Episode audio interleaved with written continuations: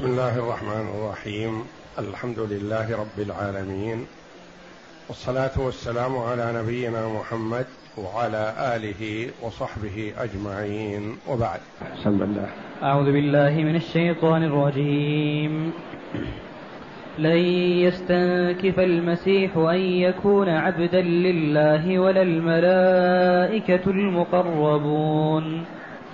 ومن يستنكف عن عبادته ويستكبر فيحش فسيحشرهم إليه جميعا. فأما الذين آمنوا وعملوا الصالحات فيوفيهم أجورهم ويزيدهم من فضله. وأما الذين استنكفوا واستكبروا فيعذبهم عذابا أليما. فيعذبهم عذابا أليما ولا يجدون لهم من دون الله وليا ولا نصيرا. يجلب لهم الخير والنصير يدفع عنهم الضر. ما يجدون من ينصرهم فيدفع عنهم السوء أو المكروه. بل ما أحد يشفع عند الله جل وعلا إلا بإذنه. ولا أحد يشفع إلا لمن رضي الله قوله وعمله بتوحيد الله وإلا قد يكون مرتكب لكبيره من كبائر الذنوب لكنه مخلص لله بالعبادة. أما الكافر فلا تنفعهم شفاعة الشافعين. فيعذبهم عذابا اليما ولا يجدون لهم من دون الله وليا. يتولى أمرهم أو يطالب لهم أو ينفعهم أو يشفع لهم ولا نصيرا يدفع عنهم الضر. لأن الحكم في الدار الآخرة لله وحده. الله جل وعلا جعل الحكم في الدنيا للعباد. ومنهم العدل ومنهم الجائر ومنهم الظالم ومنهم المقسط ومنهم من يحب العدل لكن ما يعرفه ومنهم من يريد الظلم لكن ما يقدر عليه كله. فلهم شيء من التصرف والله جل وعلا مراقب ورقيب عليهم. وأما في الدار الآخرة فلا. ما أحد يشفع ولا أحد يعين ولا أحد يدافع عن أحد إلا بإذن الله تبارك وتعالى. قال عطاء عن ابن عباس في قوله لن يستنكف لن يستكبر وقال قتادة لن يحتشم المسيح أن يكون عبدا لله ولا الملائكة المقربون وقد استدل بعض من ذهب إلى تفضيل الملائكة على البشر بهذه الآية حيث الاستنكاف هو الامتناع والملائكة أقدر على ذلك من المسيح فلهذا قال ولا الملائكة المقربون وهذا ليس بدليل لأنه قد يقال مثلا ما ينفع لا كبير ولا صغير ولا يقال أن الصغير أعظم من الكبير ولكن من باب التعميم. لا ينفع غني ولا فقير ولا يقال إن الفقير أفضل من الغني. ولا يقال لا ينفع إنسي ولا ملك ولا يقال إن الملك أفضل من الإنسي. وإنما هذا على سبيل أنه ما ينفع أحد أو على سبيل أنه ما يستطيع أحد أن يتكبر مهما يكن. نعم. ولا يلزم من كونهم أقوى وأقدر على الامتناع أن يكونوا أفضل. وقيل إنما ذكروا لأنهم اتخذوا آلهة مع الله كما اتخذ المسيح. فأخبر تعالى يعني الملائكة حتى يكون في الآية رد على النصارى ورد على كفار قريش لأن كفار قريش يقولون الملائكة بنات الله.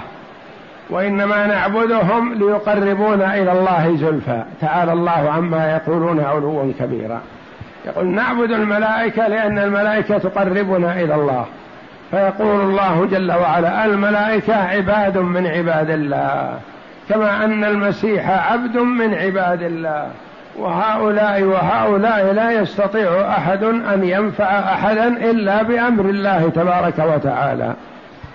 فالنبي صلى الله عليه وسلم يشفع لأهل الكبائر من أمته والأنبياء عليهم الصلاة والسلام يشفعون لكن شفاعتهم كلهم ما تكون إلا بعد إذن الله جل وعلا للشافع ورضاه عن المشفوع له.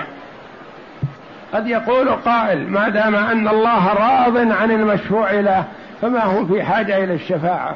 يقول بلى هو في حاجة هو راض عنه من ناحية توحيده. لكنه يستحق العقاب من ناحية معصيته. وقد يكون العبد موحد من حيث التوحيد لكن واقع في شيء من كبائر. زنا سرقة شرب خمر ولا شاء الله أن يعفو عنه فيستحق دخول النار فيشفع الله فيه جل وعلا من شاء من عباده ليشفعوا لهم. نعم.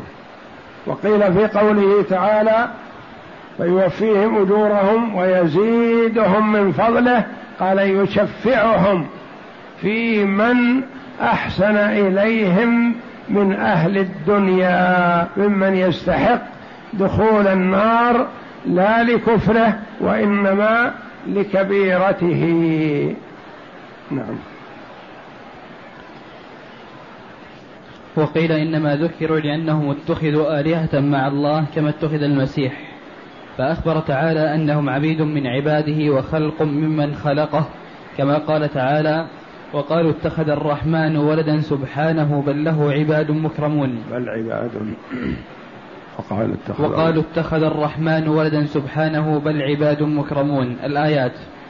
ولهذا قال ومن يستنكف عن عبادته ويستكبر فسيحشرهم إليه جميعا أي فيجمعهم إليه, إليه يوم القيامة ويفصل بينهم بحكمه, بحكمه, العدل الذي لا يجور فيه ولا يحيف. ولهذا قال فأما الذين آمنوا وعملوا الصالحات فيوفيهم أجورهم ويزيدهم من فضله أي فيعطيهم من الثواب على قدر أعمالهم الصالحة ويزيدهم على ذلك من فضله وإحسانه وسعة رحمته وامتنانه. وقد روى ابن مردويه عن عبد الله مرفوعا قال قال رسول الله صلى الله عليه وسلم فيوفيهم أجورهم ويزيدهم من فضله أجورهم قال أدخلهم الجنة. ويزيدهم من فضله قال الشفاعة في من وجبت له النار ممن صنع إليهم المعروف في دنياهم في دنياهم. وهذا إسناد لا يثبت إذ روي عن ابن مسعود موقوفا فهو جيد. وأما الذين استنكفوا واستكبروا أي امتنعوا عن طاعة الله وعبادته واستكبروا عن ذلك فيعذبهم عذابا أليما ولا يجدون لهم من دون الله وليا ولا نصيرا. كقوله إن الذين يستكبرون عن عبادتي سيدخلون جهنم داخرين أي صاغرين حقيرين ذليلين كما كانوا ممتنعين مستكبرين. والله أعلم وصلى الله وسلم وبارك على عبد ورسول نبينا محمد وعلى آله وصحبه أجمعين.